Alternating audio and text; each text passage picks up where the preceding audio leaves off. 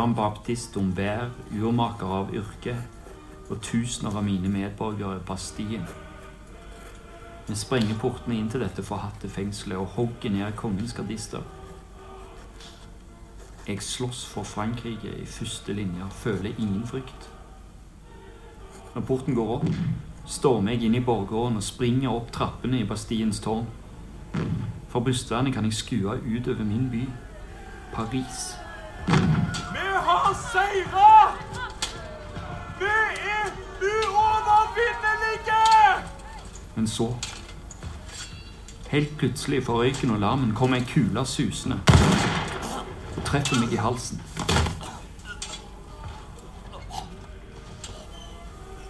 Jeg vil at dette verset skal bli min gravskrift. Hvilken fryd det er å rive seg løs fra slapp søvn og utsette seg for fare. Ikke flykte fra verken smerte eller død, men heller søke ærefulle eventyr.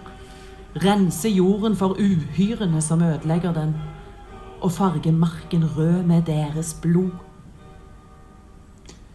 Den eh, 14. juli 1789 det ble den største, men som vi hører, det kunne bli den eh, siste dagen i livet til Jean-Baptiste Ambert. En helt vanlig mann, et ekte menneske. Han har levd. Han var urmaker, håndverker, en borger i Paris som denne dagen forlot verkstedet sitt og gikk ut i gatene og ble den endringen han ønska seg. Den franske revolusjonen gjorde slutt på et undertrykkende enevelde og innførte folkestyre. Og sånn ser Bastien ut i dag. Den ligger ikke på plass til La Bastille. Eh, du må gå 500 meter, så ser du restene av det frykta fengselet og, og, festningen som ligger på en lekeplass. Veldig naturlig. Der er det folket som har tatt over uh, ruinene. Men hvor viktig blir det lille mennesket i den store historien? Hva får mennesker som Ambert ut i gatene, og hva skal til for at en revolusjon lykkes? Og hva vil det si at en uh, revolusjon lykkes? Dette er spørsmål som vi søker svar på i radioserien uh, om den franske revolusjon. En historisk megabegivenhet som ja, ikke startet den 14. juli. Og vi kan jo se årstallene i boka om den franske revolusjonen av Kåre Tønneson, 1789 til 1815. Den slutter ikke den 14. juli 1789. Vi skal gjennom dramatiserte fortellinger eh, vise hvordan det var for vanlige og eh, høytstående personer å være med på revolusjonen. Eh, og vi skal forsøke å forstå de store linjene, og det har vi jo eksperter til. og Førsteamanuensis Geir Ufsløk, du skal hjelpe oss med de. Og hvis vi tar de, det store bildet Frankrike 1789. I dag er jo Frankrike et land i Europa på, kanskje litt under de beste Tyskland og England. 1789, hva snakker vi da? Ja, 1789. Da var Frankrike supermakten i Europa. Det var altså både politisk og kulturelt det fremste landet, kan man si. Det var 28 millioner innbyggere. Og det er ca. tre ganger så mange uh, som innbyggertallet i England og Spania på den tiden. Uh, I Tyskland var det kanskje like mange, men Tyskland var jo ikke et forent rike ennå. Uh, de rula i Europa for ja. og, ja, og de var også, så det var også sånn Rent demografisk så var det jo liksom supermakten. Og det er viktig, for det er nettopp da de som altså skaper landets rikdommer. Og det var også takket være den store befolkningsmengden at de kom seg gjennom en rekke kriser. Uh, men samtidig så var det også virkelig den kulturelle supermakten. altså Man snakket fransk på alle hoff rundt omkring i Europa, og også i Russland. Uh, Berlinakademiet i 1783 utlyste essaykonkurranse som stilte spørsmålet hva er det som gjør fransk til hele verdens språk. Til det universelle språket. De spurte ikke om det var det, men de spurte hva det var som gjorde det. Tyskerne i 1783. Så denne revolusjonen inntreffer ikke i en bakgård i Europa. Den skjer på toppen av et land som er styrt av den, det vi kjenner godt fra historietimene, eneveldet. Altså en, eh, kong Ludvig den 16. Ja. Eh, styrte eneveldig. Altså det diskuteres litt, men hva legger du i det? Uh, ja, du kan si at uh, rent altså På papiret kan man si at Frankrike var fremdeles et enevelde på slutten av 1700-tallet også. Fordi Eh, altså eh, lovgivende, eh, utøvende og dømmende makt var samlet i én person, og det var kongen. Eh, men i praksis så hadde det nok ikke vært eh, altså et re reelt enevelde i Frankrike siden Ludvig den 14.s tid. Eh, han hadde altså Han styrte uten det de kalte førsteminister, og han kontrollerte adelen. Mens både Ludvig den 15. og Ludvig den 16. hadde masse stridigheter, særlig da med høyadelen. Uh, og uh, Ludvig den 15. hadde i 1771 opphevet det som het altså det man kalte parlamentene på den tiden. Det var ikke det vi forbinder med parlamenter, det var en slags domstoler med en viss uh, lovgivende myndighet. Altså de hadde For at kongens, de lovene som kongen foreslo, skulle skulle bli en realitet, så måtte de godkjennes av dette parlamentet. Og der satt en hel rekke uh, altså, uh, folk fra høyadelen, uh, dommere, og de kunne nekte å innskrive lover som de var uenig i. Eh, men og det var et slags utsettende veto for det. Hvis kongen uh, sin, altså, møtte dem i sin person, så kunne de ikke nekte ham lenger. Da måtte de si ja, ok. Uh, men, uh, for kongen var jo fra himmelen sendt. ja. Han styrte og, med guddommelig ja, nåde. Ja, og selv at de da de var satt til å forvalte hans vilje. Og, og, da kunne de liksom, når han ikke var der, så kunne de bestemme ja, han mener egentlig ikke det her. Det er ikke akkurat dette han vil si. Eh, så da godtar vi ikke det. Men når han var, da var der i egen person, så kunne de ikke motsi ham lenger. Eh, så han hadde altså eh, og, og, de motarbeidet ham. altså På slutten av 1700-tallet så motarbeidet høyadelen kongen systematisk. For det er misnøye på mange nivåer i Frankrike på slutten av 1700-tallet. Kongen hadde støtta en annen man si, frihetshendelse, den amerikanske uavhengighetskrigen og rett og slett gått bankerott. Det var eh, ikke penger i statskassa, og han trengte adelen for å få gjennomført økonomiske reformer, og de ville ha makt tilbake. Og ja. Da begynner ting å skje her på, fra 1787 og framover. Ja. Frankrike hadde kjørt altså i eh, mange tiår så hadde de kjørt en slags lånepolitikk eh, som for så vidt hadde fungert. De hadde en enorm statsgjeld. Eh, det har de for så vidt i dag også.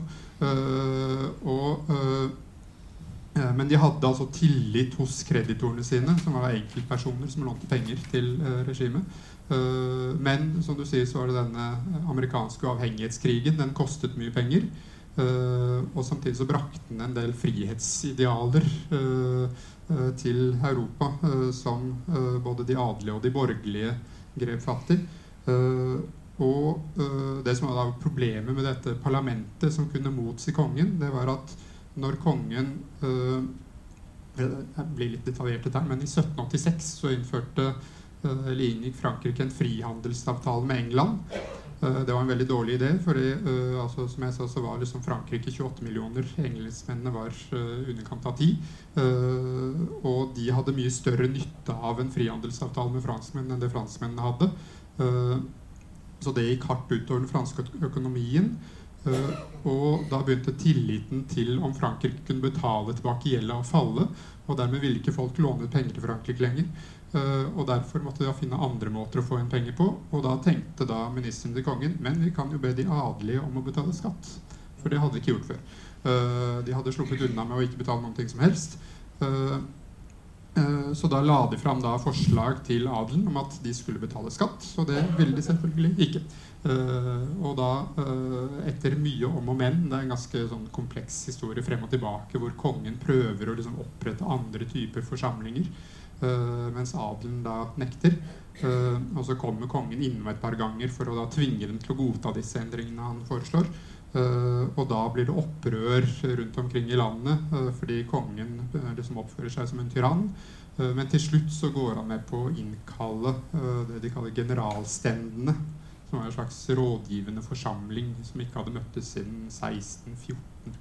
Eh, og det er jo ja, eh, sant, Generalstendene innkalles for å gjennomføre økonomiske reformer. Dette kan jo gå veldig fredelig for seg, men som vi hørte i diktet som Amber Ambert lanserte som sin gravskrift, Og vi kan jo henvise til Marseillesen. Det det ble veldig eh, blodig. Eh, mye urent og sikkert rent blod eh, vanna plogfyrene i, eh, i Frankrike. Jeg leste et sted at 1,3 millioner av franskmenn eh, faller på en eller annen måte, eller mister huet, i eh, perioden eh, 1792 til, til 1815.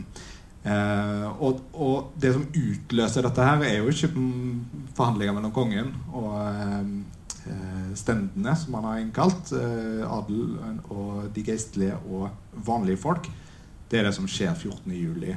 Eh, 1789. Og vi skal tilbake til Ambert, som våkner nå i urmakerforretningen om morgenen.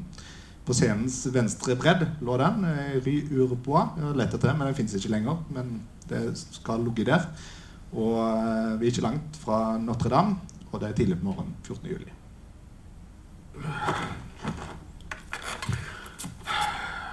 Hvor var det la sabelen min?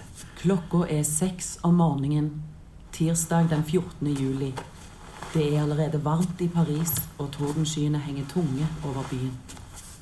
Like ved Notre-Dame, i et mørkt rom over urmakerforretningen til monsieur Bayard, våkner Jean-Baptiste Humbert. Ja da, ja da. Slutt å mase. Jeg har ikke tid til dere nå. Tiden er kommet for å forsvare Paris. Jean-Baptiste sjangler over gulvet.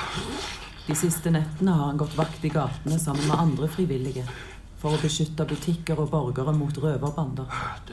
Han får øye på sabelen sin og fester den i beltet. Han skvetter litt vann i ansiktet og stavrer ned trappa og ut på gata. Der møter han andre fra militsen, også de med sverd i hendene. Bonjour. Bonjour. Noe nytt å melde? Nei, men eh, det står fremdeles soldater utenfor byen. Det er disse forbanna tyske dragonene som massakrerer sultne kvinner og barn. I stedet for å beskytte dem. Men da må vi, borgerne av Paris, forsvarer de og byen vår. Men hvordan? Se på oss. Vi har sabler, de har kanoner. Geværer! Geværer! De deler ut geværer ved Les Evalides! Kom! Jean-Baptiste går med raske skritt langs scenen i retning militærsykehuset Les Invalides. Hit kom skadde og krigstrøtte soldater for å få behandling, og de la fra seg våpnene sine i kjelleren. Ryktet har spredd seg i Paris om at det fins over 30 000 geværer der. Slipp meg fram! Slipp meg fram! Gi meg et gevær! Ved Les Valid har det samla seg flere tusen mennesker. De bryter seg inn i bygningen og stormer ned i kjelleren. Gi meg et gevær! Fort med en gang! Slapp av, mann. Det er nok til alle. Er det noe krutt der? Nei. Hei! Hei! Rolig, rolig nå! Slipp oss forbi! Vi skal opp! Men strømmen av borgere som vil ned i kjelleren, virker endeløse. Jean-Baptiste faller ned trappa.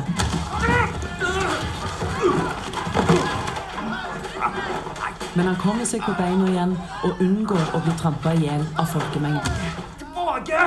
Du får ikke puste! Dette blir å død hvis vi ikke kommer oss opp. På med bajonettene! Vi må opp! Bajonettene!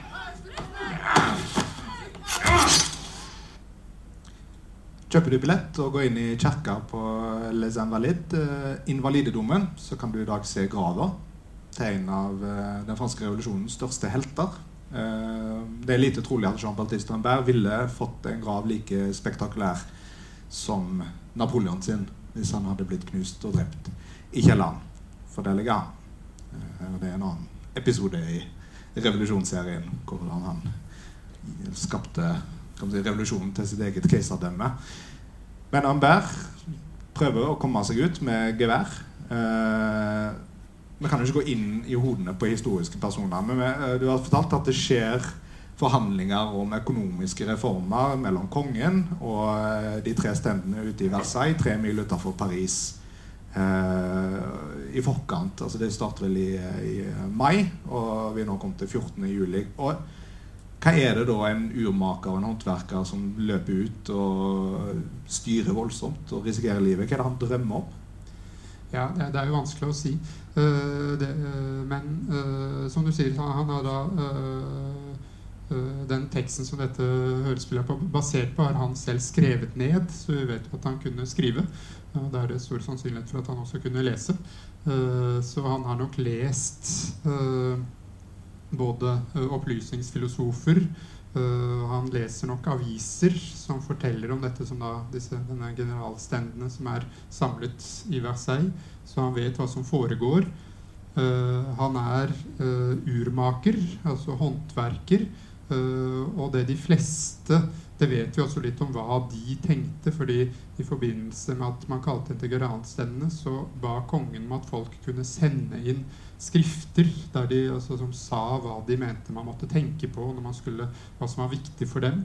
Uh, og for før det var det var ganske streng sensur, så Ja, det var ble litt, opphevet. eh, oppheva i forbindelse med det. ja. Eh, og uh, da var det veldig mange fra tredjestanden, da, som uh, er en del av, som en småborger, som var veldig kritiske nettopp til dette at adelen ikke betalte skatt. Eh, de ville ha eh, en eh, mer likere form for skattefordeling. Og så kan nok også tenkes at hvis han har lest en del av disse opplysningsfilosofene, at han gjør seg sine tanker om hva slags styresett Frankrike burde ha.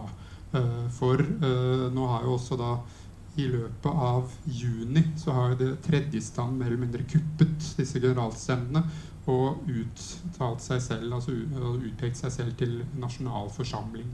eh, Som er noe ganske annet enn det det opprinnelig var. Du har jo oversatt en av de mest sånn kjente pamflettene fra i forkant av revolusjonen. Januar 1789 kom eh, denne ut. Hva er tredjestanden? spurte en, en prest. Eh, Manuel Josef Sies. Sies. Sies. Og svaret sjøl. Hva er tredjestanden? Alt! Ja. Kan, hva har den vært på den, i det politiske samfunn? Intet. Sant? Hva krevde den? Å være noe. Det er jo ikke drastiske krav, det. Det kunne jo gått helt fint, dette. Ja, altså akkurat det, de, de tre setningene er veldig kjente i Frankrike. Det er veldig mange der sånn de lærer på skolen og sånn. Eh, men i resten av denne pamfletten så er den ganske radikal, for han sier eh, Det er en ganske interessant bok, må jeg sånn beskjedent si selv.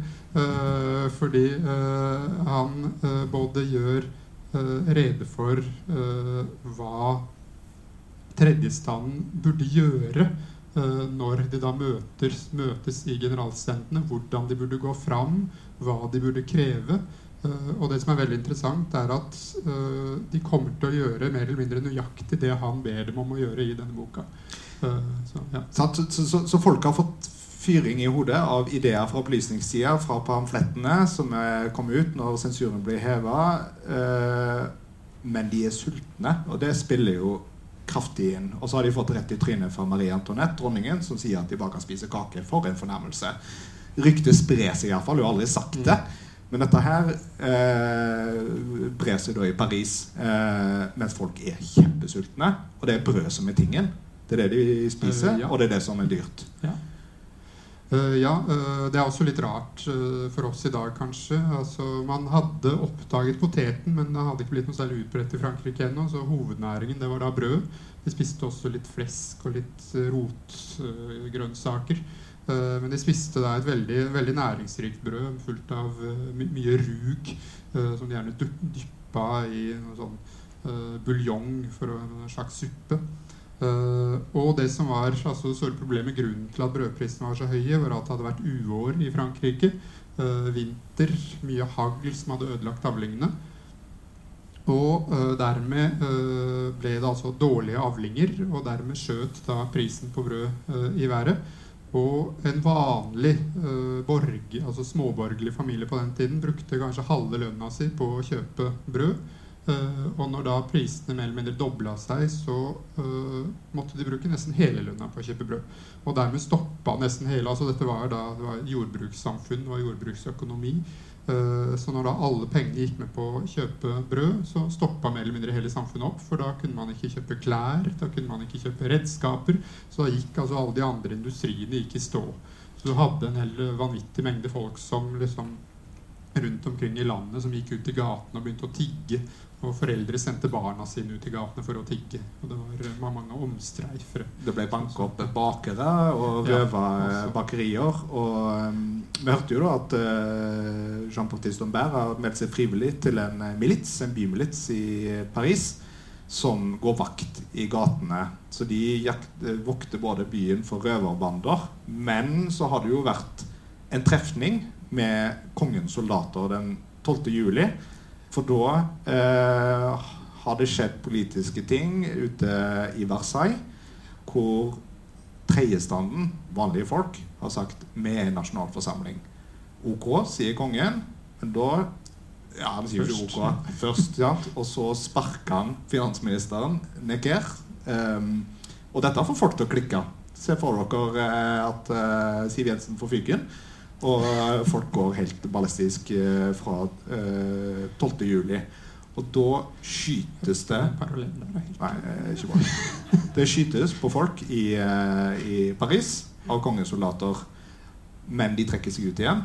Og vi har nå på en måte en, eh, en, en by her eh, som Humbert er del i, som kontrollerer Paris. Det er ganske spent situasjon her eh, 14. juli. da Eh, ja, og en annen ting som også faktisk er ganske interessant og det, dette, altså Jeg kan ikke noe om jordbruk til å forklare hvorfor det skjer. Men altså kornavlingene de går ad undas. Men øh, vinproduksjonen den går egentlig ganske bra. Uh, det, og det er, sånn, det er katastrofalt for bøndene, for de får ikke solgt nok korn. Eh, og da kunne de vanligvis kanskje ha solgt vin for å liksom redde seg, men i og med at de, klarer å, de produserer så mye vin, så da liksom går vinprisene uh, rett ned. Uh, så folk har altså lite mat og mye vin. Så da blir det jo selvfølgelig litt problemer. Men men og, og dette som skjer i Paris, er veldig Det er jo da et slags motstandstrekk fra kongen, som ikke Eh, altså Han godtar først at tredjestand erklærer seg uh, uh, nasjonalforsamling. Og det, det er ikke noe snakk om å styrte kongen på det tidspunktet her. altså De vil innføre et konstitusjonelt monarki. Men det innebærer selvfølgelig en svekkelse av kongens makt. Så han bestemmer seg for å ta affære. Så han sender da soldater som omringer Paris. og også avskjediger han Necker, finansministeren, som var veldig populær blant folk flest. Eh, og eh, dette, som du sier, får da folk i Paris til å liksom eh, Til å klikke, rett og slett. Altså det, er, det kommer meldinger fra Versailles. De får vite om dette her. Altså Nequet blir avskjediget 11. juli. Eh, 12. juli eh, så er det en revolusjonær som heter Camille de Moulin, som løper opp et bord i Palais Royal og skriker 'Kongen har avskjediget Necker'. Soldatene kommer for å kutte over strupene våre. Til våpen, til våpen. Eh, og så begynner ballen å rulle. Så vi har veldig sitte folk som har ikke noe å spise og altfor mye billig vin. Og nå har de fått seg geværer i kjelleren på Les Invalides. Hva mangler da? Da. Krutt.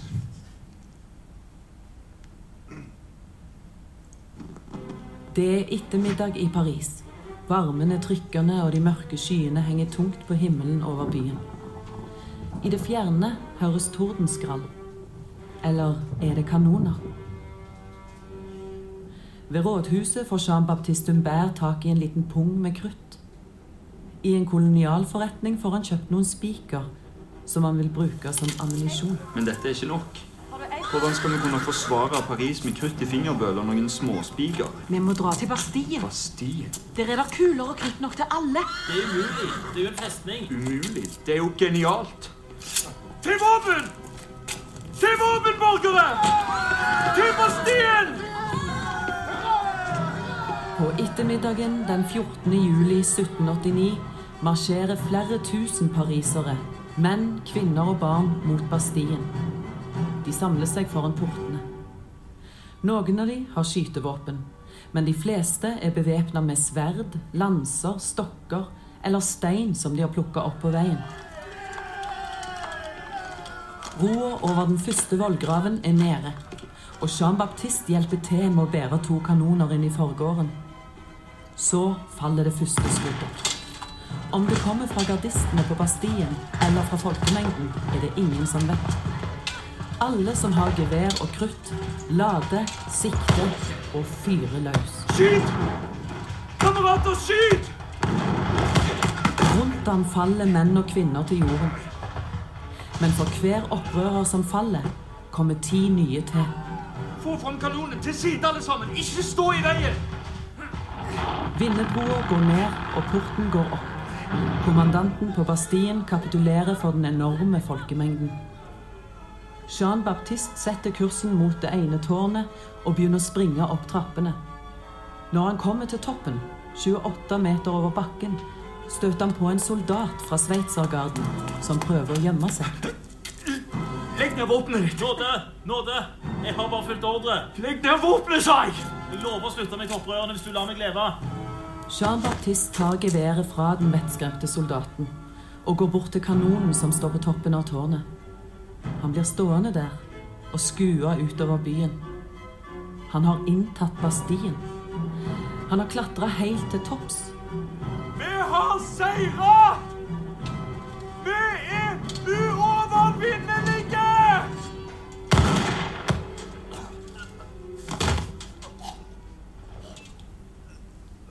Bastien er storma, slaget er vunnet av folket.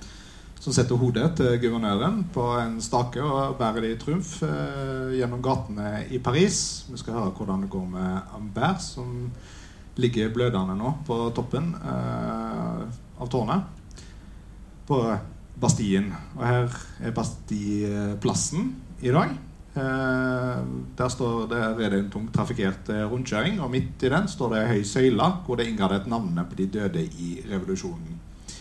Ikke navnet til Jean-Baptiste Ambert, og heller ikke navnet til de andre døde i revolusjonen i 1789, for det er navnet til de døde i revolusjonen i 1830 som står på søyla på Place de la Bastille. Eh, Frankrike er et land med mange rundkjøringer. En tredel av verdens eh, rundkjøringer ligger i Frankrike. Og er et land med mange, Mange revolusjoner. mange revolusjoner. Og på Place de la Bastille så har hun stått en elefant. Ja. Eh, Napoleons elefant. Som til minne som kan, folk kanskje, eller Det var ikke til minne om en revolusjon, akkurat det, men eh, folk har kanskje støtt på en elefant i en bok av Victor Hugo eller i en eh, musical. Eh, og disse barrikadene er heller ikke fra 1830 eller 1789. Det er fra 1832, tror jeg. Ja. Frankrike altså. Ehm, en annen ting som det er mye av i Frankrike, det er kafeer. Eh, og en myte, det er veldig mange myter, veldig artige ting folk sier på eh, før de eh, skal opp i giljotinen. Eh, og en eh, passe kjent myte er det at Marquis de Sade satt i Bastien eh, rett i forkant av 14. juli og var forstoppa. Og eh, ba fangevokterne sine om kaffe. Eh, det som er sant, er iallfall at han satt der. Ja. Eh, og historien er at han var forstoppa. Han ba om kaffe for å lø frigjort fra sine pinsler. eh, og fikk ikke det, og ropte ut gjennom eh, eh, gittervinduet 'Hjelp, hjelp! De dreper kongens fiender her.' Og ikke gir oss kaffe heller. Det det, det er en passe sann myte. Eh, hva er sant om hva de fant når de kom inn på Bastien? da? Eh, ja, det, altså de, de, For det første så De dro jo ikke dit for å frigi fanger, de dro dit for å få krutt. Ja. Og først så sendte de faktisk altså en delegasjon på tre personer eh, som uh, høflig ba om de kunne få krutt. Uh, og de ble da invitert inn på lunsj, og da satt folk der og da satt de og diskuterte. Men så ble de så lenge inne, så folk ute i gatene begynte å liksom eh, tro at de hadde blitt arrestert, de også. De satt ute og drakk billig, dårlig vin, Ja. og så var Og de fikk god mat der inne. Ja. Eh, men men uh, altså, det er sant at uh, Marquis du Sade satt på Bastien. Han ble fengslet der i 1785. eh, og han er et typisk eksempel på hva Bastien var. Altså, det var et eh, fengsel der hvor man arrester, arresterte folk, eller satte folk vilkårlig. Fordi han var uh, arrestert etter det man kalte uh, un lettre du cachet. Det betyr også at det er et brev med kongens seil på. Så det var rett og slett kongen som har bestemt at han skulle uh, puttes der. Eh, og det var noe han gjorde med flere eh, folk opp, eller kongene gjorde med flere folk opp gjennom tidene. Så Bastien var allerede et ganske sånn forhatt symbol. Eh, når de revolusjonære tok Bastien, så satt det syv personer der. Eh, Det var to eh, sinnssyke, eh, fire falsknere og én ung mann som hadde blitt sperret inne der fordi foreldrene hans hadde bedt om det. Det var veldig hyggelig fra kongens side å gå inn på det. Men det var altså da et symbol på en form for vilkårlig domspraksis. Altså hvor kongen rett og slett kunne gjøre som han ville, fengsle hvem han ville, uten, uten dom. Så det var, eh, hadde lenge vært et forhatt symbol. Og de hadde snakket, så Kongen hadde tenkt på om man ikke skulle rive det en del år i forveien osv. Så, videre. så det kunne aldri ha vært der, men eh, det var der. Eh, Og det ble stormet. Det, det, det er jo så fascinerende på en måte, pyramide her, der kongen trenger penger og diskuterer med adelen, som vil ha makt. ok, Men da innkaller vi til denne stenderforsamlingen, og der kommer òg tredjestanden, som er intet, men vil ha alt. Eller nei, det, de, vil, de vil ha noe. Ja. Eh, og samtidig så er folk sultne, og det oppstår opptøyer i Paris. Eh, og nasjonalforsamlingen eh, ute i Versailles eh, inspirerer folket, og plutselig så, så har vi en totalt eh, Vi har en revolusjon. Eh, men dog ikke helt eh, avslutta. For det som er interessant altså Alle disse faktorene som Ambert trenger da for å bli denne endringen. Han er den lille brikken, og du trenger de folka som stormer Bastien. Men helt konkret utslagsgivende for denne enorme festningen blir inntatt av borgere med skytevåpen, det er at hæren begynner å gå over til eh, folkets side. Ja.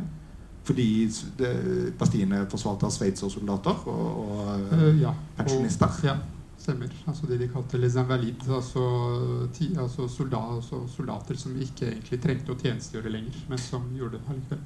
Men, men, men hvorfor, hvorfor vil ikke kongen løse dette her? Hvorfor tillater han at eh, et, et så sterkt symbol på hans makt blir inntatt av urmakere med krutt i fingerbøl? Eh, ja, han, han var vel egentlig ikke altså, Da han fikk vite om det morgenen 15. juli, så var han mer eller mindre overrasket. Han skjønte ikke hvorfor de hadde tatt Bastien. rett. Det var sånn eh, det, det syntes han nok var ganske rart, for der satt det var jo ikke noe viktig altså, Det satt jo ingen fanger der. Eh, men det var også altså at han senere, eh, når de først da hadde tatt Bastien, og Paris liksom var en by i opprør, så kunne han ha sendt inn Han hadde altså ganske store militærstyrker stående utenfor byen. Eh, han sendte dem aldri inn, eh, antagelig fordi han var nok redd for at de også kunne gå over til folket, sånn som eh, mange av de militære som var i byen, allerede hadde gjort. Eh, Fordi soldatene var jo også altså Mange av dem var eh, gift med folk fra tredjestanden. Uh, mange av dem hadde også relativt dårlig lønn, så de sleit med å få kjøpt seg brød, de også. Så det er nok den frykten for at soldatene skal gå over til folket på den ene siden, og på den andre siden det at kong Ludvig den 16. eh, faktisk altså var en ganske opplyst mann som gjerne ville ha reformer, som ikke ville fremstå som en tyrann, men som en god konge eh, for folket sitt. De måtte bare skjønne at de måtte la han bestemme alt. Så liksom, Lønner seg ikke å være snill. ja. Viser det for, eh, for kongemakt. Eh, vi skal komme litt til på en måte etterspillet av eh, Bastien. Eh, men vi har en eh, mann som ligger på toppen og blør. Eh, Jean-Baptiste Ambert fikk ei kule i halsen. Vi skal høre hvordan det, det gikk med han. Helge? Jeg våkner opp. Jeg befinner meg i trappa inne i tårnet. Soldaten fra Sveitsergarden som jeg nettopp hadde avvæpna, har fått meg i sikkerhet og redda livet mitt. Gardisten forbinder såret og klarer å stanse blødningen. Han prøver å hjelpe meg i sikkerhet, men blir stansa av en gruppe opprørere. De ser at gardisten er dekka av blod og vil drepe ham. Men jeg prøver å forklare hva som har skjedd, og ber de om å spare livet hans. Heldigvis tror de på meg. For Jean-Baptiste er den dramatiske dagen 14. juli 1789 over. Såret i halsen har slutta å blø, og han faller i dyp søvn. Ute kimer kirkeklokkene mens røverbander herjer i gatene. Jean-Baptiste sover lenge neste dag, før han blir vekka av rop utenfra.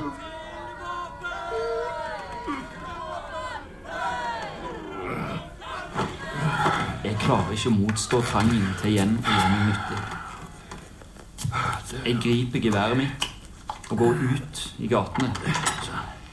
Jeg melder meg til tjeneste hos vaktstyrken under ledelse av kommandant Poirier, hvor jeg til denne dag er i tjeneste. Vi vet ikke mer om Jean-Baptiste Ambert enn eh, hva han skriver i vitnesbyrdet sitt fra den eh, dramatiske dagen 14. juli. Og eh, han går inn i historiebøkene som den første som var på toppen av Bastiens 28 meter høye tårn. Det er hans eh, eh, bedrift i historiebøkene. Eh, vi vet noe hva folk skrev om den 14. juli. Eh, Kong Ludvig den 16. har førte ei veldig nitid dagbok. Og om kvelden den 14. juli så skriver han Rien. ja, ingenting. Eh, rent fysisk. Eh, det er vel en kommentar til jakten han hadde vært på den dagen. Ja, så han ga jo litt Han er veldig glad i jakt. Ja. Ikke så interessert i politikk, men jakt. Nei, men ingenting står det den eh, 14. juli 1789. Eh, Neste morgen eh, tar vi noen sånn mytesjekk. da Du, eh, du var ikke så glad i Marquis de Sade, eh, kaffehistorien. Neste morgen så kommer adjutanten inn på rommet hans og sier 'Herre konge, eh, de har tatt Bastien.' Og nå driver de og deler det opp og selger det i småbiter og blir kjemperike. Da starter han helt ny business i. Paris. Det er et opprør, skal kongen forskrekka ha sagt. Nei, herre konge, det er en revolusjon. Svarte adjutanten. Visstnok. Ja. Er, det- er ikke det sant, det heller?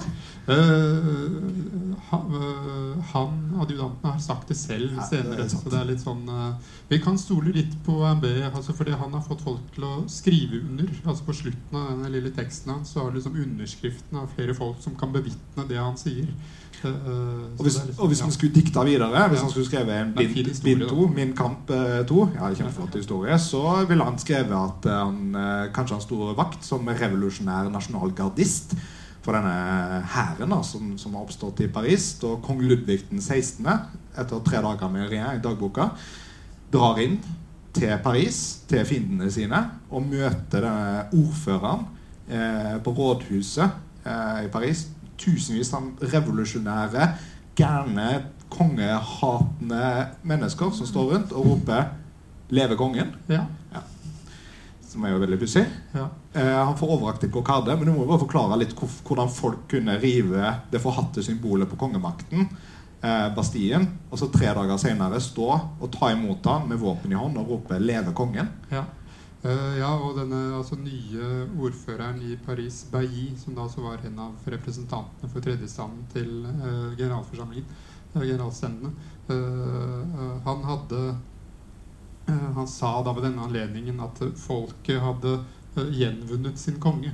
Altså at ikke han kongen hadde gjenvunnet sin fol sitt folk, men folket hadde gjenvunnet sin konge. Okay. eh, fordi eh, altså, eh, Ludvig den 16. var en ganske og konge generelt. Altså, vi må tenke på at dette er et folk som har levd under kongedømme i eh, flere hundre år. Eh, tusen, ja, faktisk. Fra, Ja. altså, fra Clovis. Sånn cirka fremover. Eh, Så ja, over tusen år. Uh, og de er veldig glad i kongen. Det er mange som er veldig kritiske til adelen, men de fleste liksom, tenker at dette kan kongen løse for oss. Uh, men jeg selvfølgelig misliker dette med det eh, når han har litt sånn tyranniske eh, tilløp, eh, så blir de misfornøyde. Eh, men eh, kongen hadde faktisk da bøyd seg. altså Etter 14. juli så trakk han tilbake disse troppene som sto utenfor Paris. Han gjeninnsatte Necker, denne finansministeren, 15. juli. Eh, og 17. juli så bestemmer han seg da eh, for å reise inn til Paris for å liksom møte folket.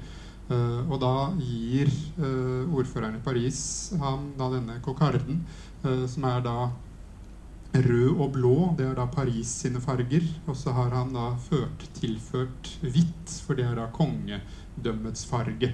Eh, og denne godtar da eh, Ludvig den 14., eller Ludvig den 16. og setter den på hatten sin. Eh, og dette er mer eller mindre slags sånn Da tilkjennegir han at uh, han ikke lenger er en absolutt monark. Altså han er liksom Det er folket som har gjenvunnet sin konge. Men da ikke en absolutt konge lenger, men en som skal hjelpe folk og er på deres side. Det kunne jo vært fantastisk at vi avslutta historien der med en 17. mai-sløyfe som kongen setter på sin eh, sin hatt. Uh, det går ikke helt sånn. Vi har ikke tid til å ta hele. Det tok litt av etter eh, hvert. Men et, et, et sånt slags nåtidsspørsmål, da. Er det en sammenheng mellom det folkelige opprøret 14.07. og de store demonstrasjonene som fremdeles er så typisk i Frankrike? Jean-Luc Mélenchon, eh, kandidaten for ytre venstre til presidentvalget, mante til en ny storm på Bastien i eh, mars. Og eh, senest i går er jo det svære massemønstringer mot en arbeidslivsreform. Altså franskmennene, klisjeen, de går ut i gatene. Er dette en arv fra revolusjonen? Ja, kanskje fra før revolusjonen også. Altså, de hadde, altså, de var, det var ganske under det man da kaller det gamle regimet, altså Frankrike før revolusjonen, så var det veldig vanlig med opprør. Det var mange forskjellige typer opprør. Eh, men det som skjedde i 1789, var liksom en mye større eh, format enn det man tidligere hadde sett. Eh, det er litt interessant det bildet, for det er en sånn blanding av to. altså Han hadde til møtet sitt 18. mars. Det var da altså eh, markering for uh, pariserkommunen, som er en annen fransk revolusjon fra 1871.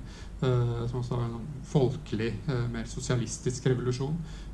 mens jeg tror egentlig ikke altså, at Bastien var liksom Det er ikke Mélenchon kan nok ikke påberope seg å liksom representere de som stormet Bastien, for det var mer altså småborgere, uh, ikke uh, arbeidere. De kom litt senere. Altså, det var en del arbeidere også. liksom, som stormer Bastien? Ja, altså, du har denne sånn Det er en sånn romantisk oppfatning at den franske revolusjonen det var liksom folkets revolusjon. og du, du, har veldig mange forskjellige lesninger av revolusjonen også. Det er noen som Eh, en revolusjonshistoriker som heter Georges Lefebvre, som er veldig opptatt av historien sett nedenfra, liksom sett fra folket. Uh, han sier at det er en sånn helt klar sammenheng mellom først det adelige opprøret mot kongen, og så tredjestandens opprør mot adelen og kongen, uh, og så da folket som går til angrep på Bastien i Paris, og så flere opprør som følger ut i landsbygda, at alt dette henger sammen. Mens andre historikere mener at det er liksom helt tilfeldig, at det er særlig liksom brødprisene som får folk til å gå amok i Paris. Men jeg tror ikke det er sant. altså Det var eh, sånn som MB var jo faktisk da beleste mennesker, og det var de som liksom øh, fikk folk med seg.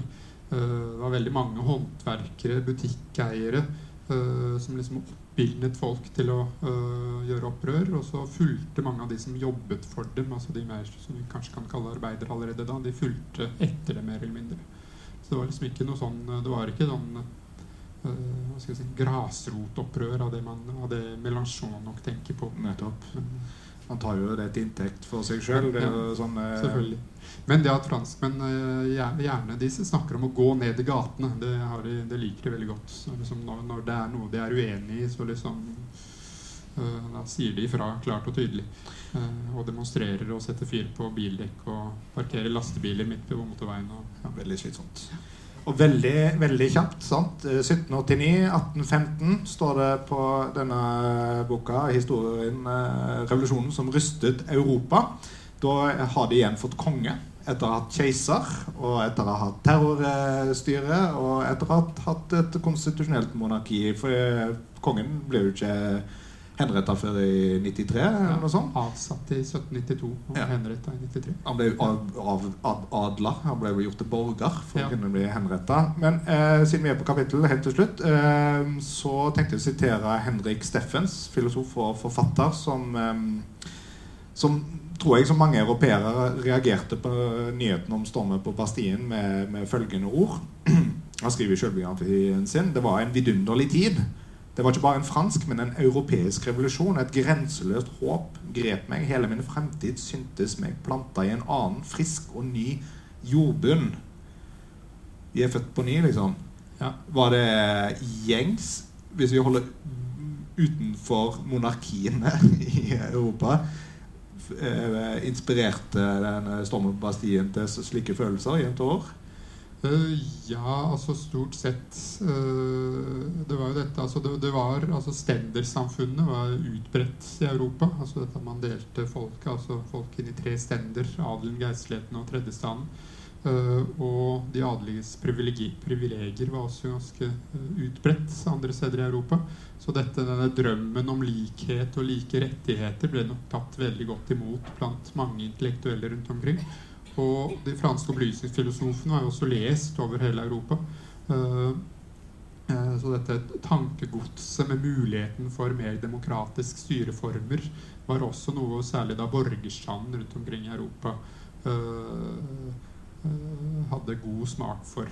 Og det er også noe som da altså 1789 er først og altså Stormen på Bastien var form for folkelig opprør, men 1789 er frem, først og fremst altså de borgerliges revolusjon.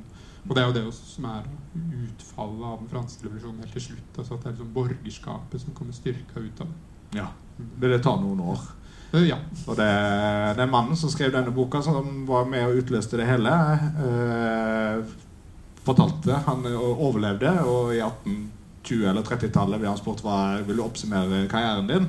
'Jeg har overlevd', sa han. Eh, og eh, det kan man kanskje stå som en oppsummering for eh, fransk revolusjon som totalt. Ja, Han var veldig aktiv i 1789, og så ble han mer eller mindre mot sin vilje valgt inn i det man kalte konventet eh, i 1792, altså når, man da ble, når det ble republikk.